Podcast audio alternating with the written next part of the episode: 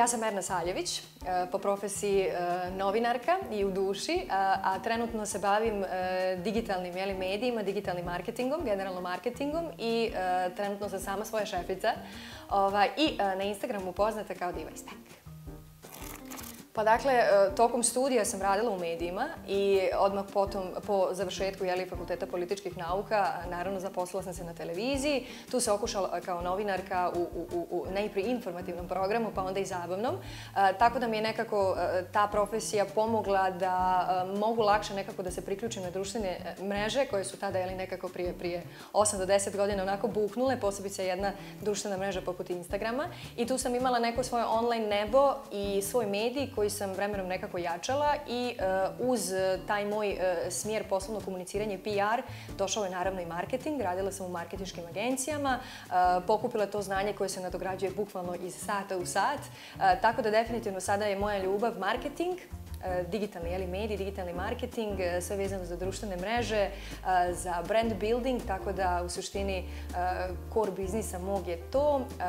a nekako dejstvovanje na tom Instagramu mi je otvorilo mnoge mogućnosti da nekako pričam sa mladim ljudima i da pričam najviše o tim nekim socijalnim problemima ili socijalnim dešavanjima ovaj, koje su onako jako bitne za, za, za, za naš nekako ljepši život, da tako. Aha, sada se nekako fokusiramo na taj influence marketing, jeli? Jer kao kada imate veći broj pratilaca na nekoj od društvenih mreža, vi ste influencer, influencerka. Pa u suštini najviše e, čega se odričete kada hoćete da budete tako bliski sa, sa, sa velikim e, brojem ljudi, velikom publikom, e, je vaša privatnost. Ono u suštini što vi dajete, dajete sebe. E sad svi misle da je to 100%. Naravno da nije. Čak i oni ljudi koji na društvene mreže serviraju sve moguće u svom životu, uvijek ima veliki postotak onoga što se nekako dešava iza kulisa, jeli, iza ovaj, tih zavisa društvenih mreža ili možda nešto što oni onako vješto kriju, onako i kakvi jesu ljudi. Mada ja uvijek kažem, onako i kakvi se na društvenim mrežama, u stvari, vi ste takvi. Iako ljudi kažu da je tamo, jeli, kao neki onaj e, fake, nije na kraju uvijek kad malo dublje zarovite, jeli, kroz sve te statuse, sve te fotografije koje mi objavljujemo, e, pronađemo sami sebe onako kakvi jesmo i to možemo i kod drugih prepoznati. Ono što nam je boljka, ono što bi voljeli da imamo, jeli, pa to nekako forciramo. Tako da u suštini najviše se odrečete privatnosti, to mogu reći. Posebice kada vam je to posao i kada u jednom trenu krenete da zarađujete od influence marketinga vi sarađujete sa velikim brojem e, brendova, onda vam to, e, to ljudi mnogi sa strane nekako e, percipiraju kao samo bacanje nekih selfie fotografija i, i uzaludno postavljanje na društvenim mrežama. Naravno da ima bućkuriša, naravno da ima svega trenutno na društvenim mrežama, jako nekvalitetnog sadržaja, međutim na nama je da filtriramo kao što filtriramo jeli, ovaj, fotografije na nekom Instagramu, tako trebamo filtrirati koga pratimo, šta pratimo, kako konzumiramo i naravno nekako velika je odgovornost kada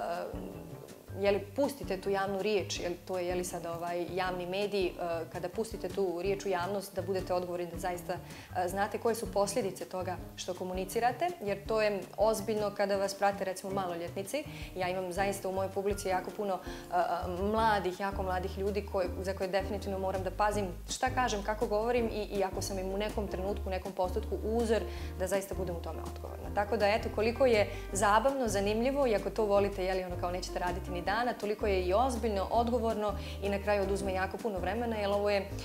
influence marketing i generalno ta grana marketinga je jako, jako e, e, komplikovan posao, da tako kažem, jako odgovoran i zahtjeva puno vremena i puno ulaganja sebe.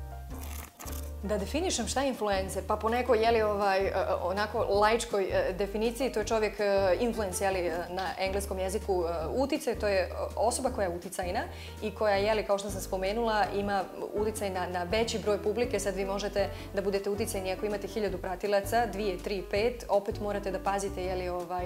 šta komunicirate, jer uvijek neko može da se povede vašim primjerom i da učini nešto što ste vi učinili. Tako da definitivno osoba koja ima uticaj, da u nekom smislu e, utiče na svijest ljudi e, koji ga prate i u smislu da e, pokrenu neke postupke, recimo po svom, da tako kažem, uzoru ili navođenju na neke stvari. Tako da definitivno kada se kaže influencer ne treba se igrati sa tim ovaj, sa tom definicijom i sa tim izrazom. To nisu samo djevojke, djevojčice ili dječaci, muškarci koji se onako poslikavaju.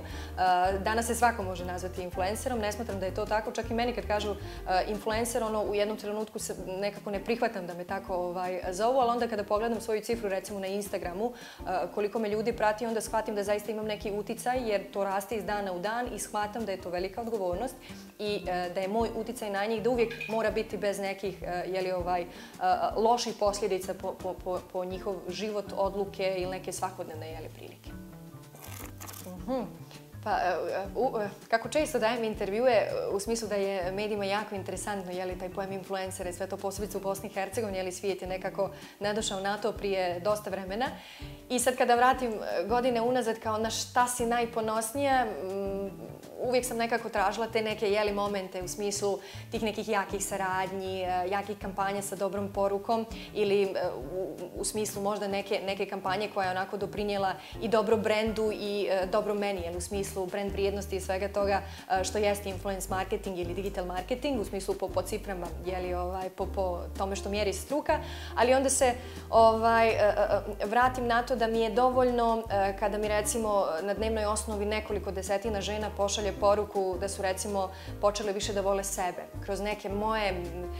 poruke koje sam pisala ispod postova, ohrabrujući ih, motivirajući ih, nekako da se okrenemo više sebi, jer i ja sam žena koja ima dosta nekih e, i e, manjke samopouzdanja i nekih kompleksa i nekih trenutaka koje ja želim, predrasuda koji želim da se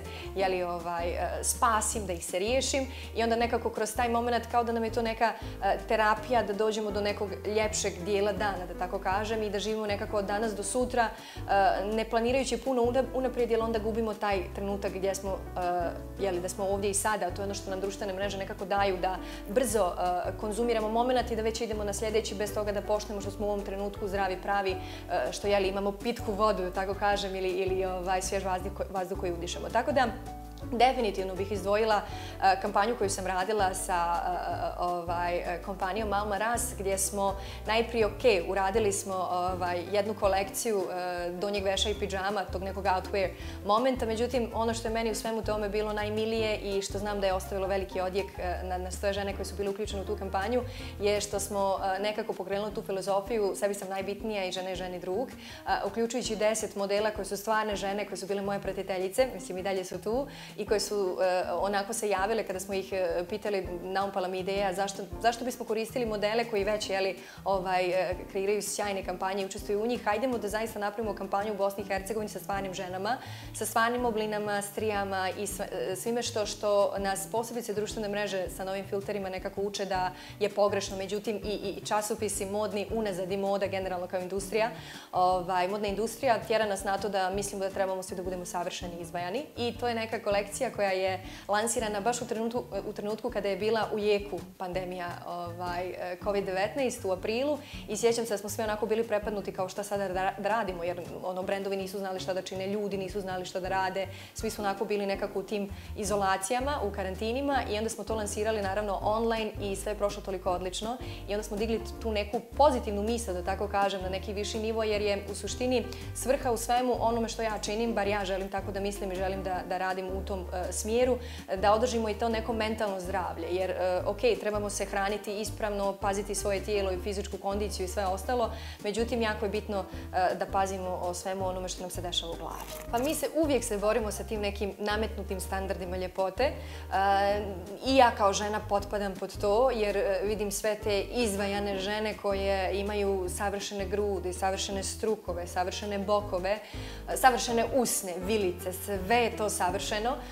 Međutim, nekome da priroda, neko se malo doradi, a neko jednostavno samo zavoli ono što ima i od toga pravi ukusnu pitu, da tako kažem.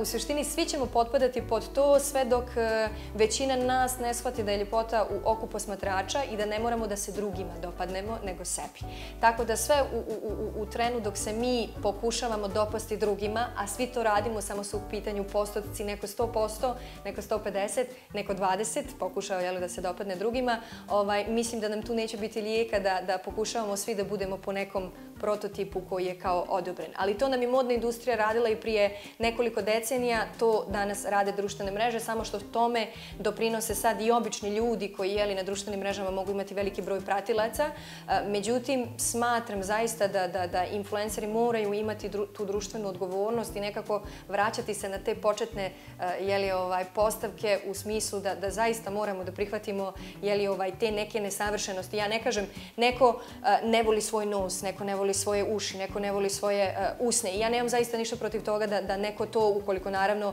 e, ima opciju i ukoliko to ne narušava zdravlje, da tako kažem, popravi. Međutim puno je puno je teže kliknuti u glavi sa sobom onakvim je li kako te kako te je dala priroda i da najprije zavoliš sebe jer srećem toliko ljudi koji su u jednom trenutku života skontali ok,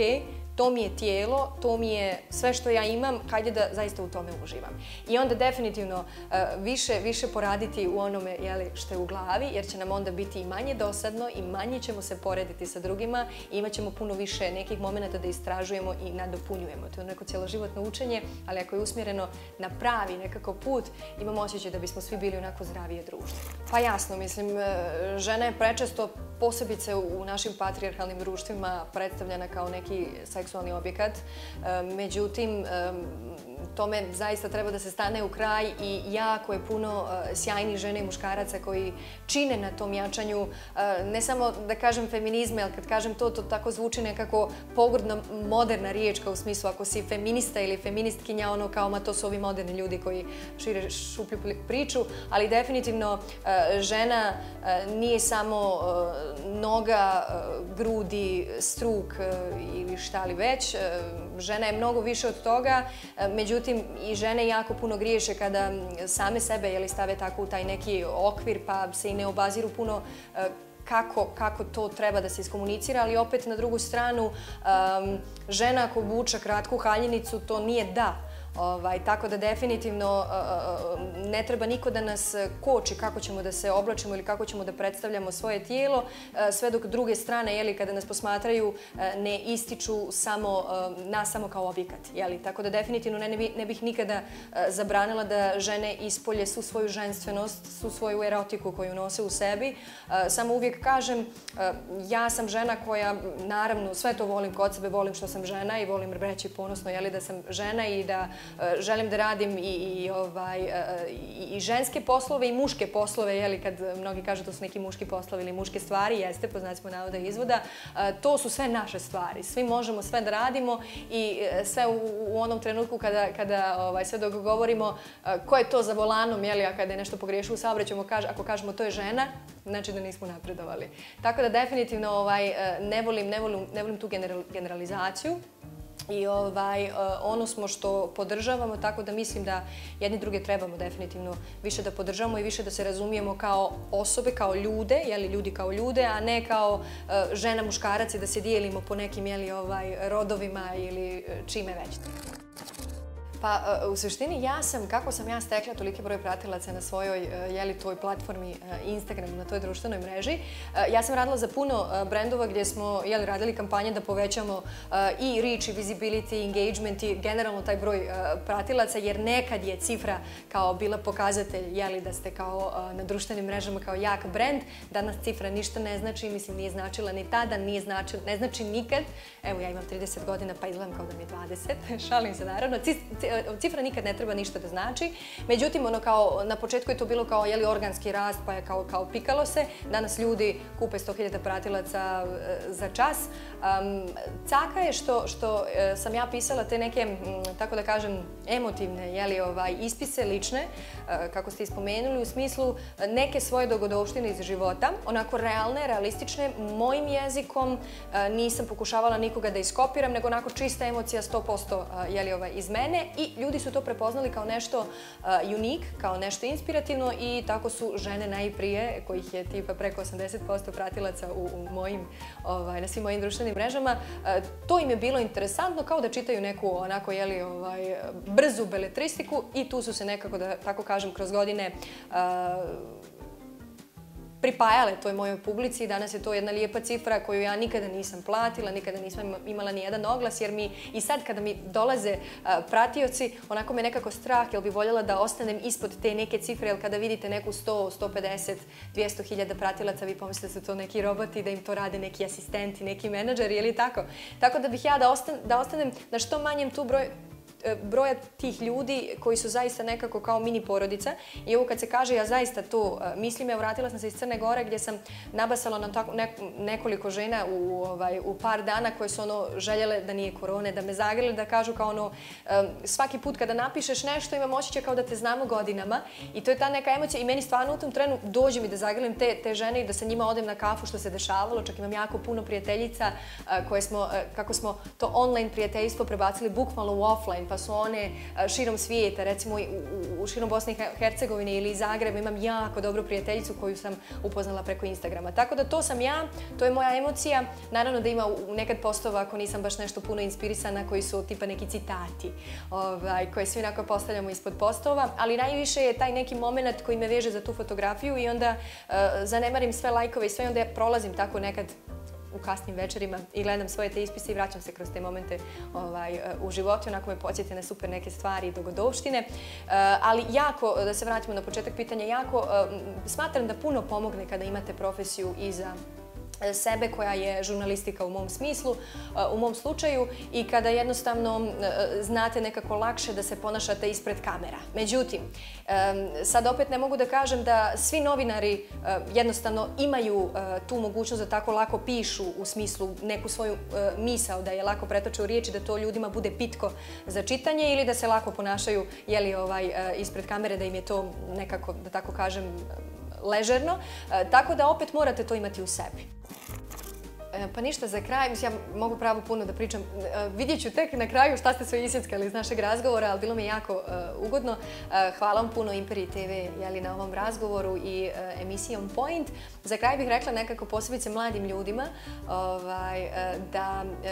paze šta konzumiraju na tim društvenim mrežama, jer je li ja nekako ta diva izbek, je li dolazi sa tih društvenih mreža, uh, u smislu da moraju da otprate sve što ih čini nekako nesretnima sa onim što imaju u ovom trenutku gdje su sada. Uh, naravno, treba se nekako porediti u smislu, to jest ne porediti, u stvari da, porediti sa sobom uh, E, kakvi smo bili juče preključili prije par godina i da vidimo u čemu smo napredovali, u čemu nismo, postaviti neke svoje ciljeve uz neke uzore ako nam u životu pomažu jeli, iz naše okolice, ali da su zdravi za naše zdravlje, prvenstveno fizičko, a onda i mentalno, i, ali najprije porediti se sa samim sobom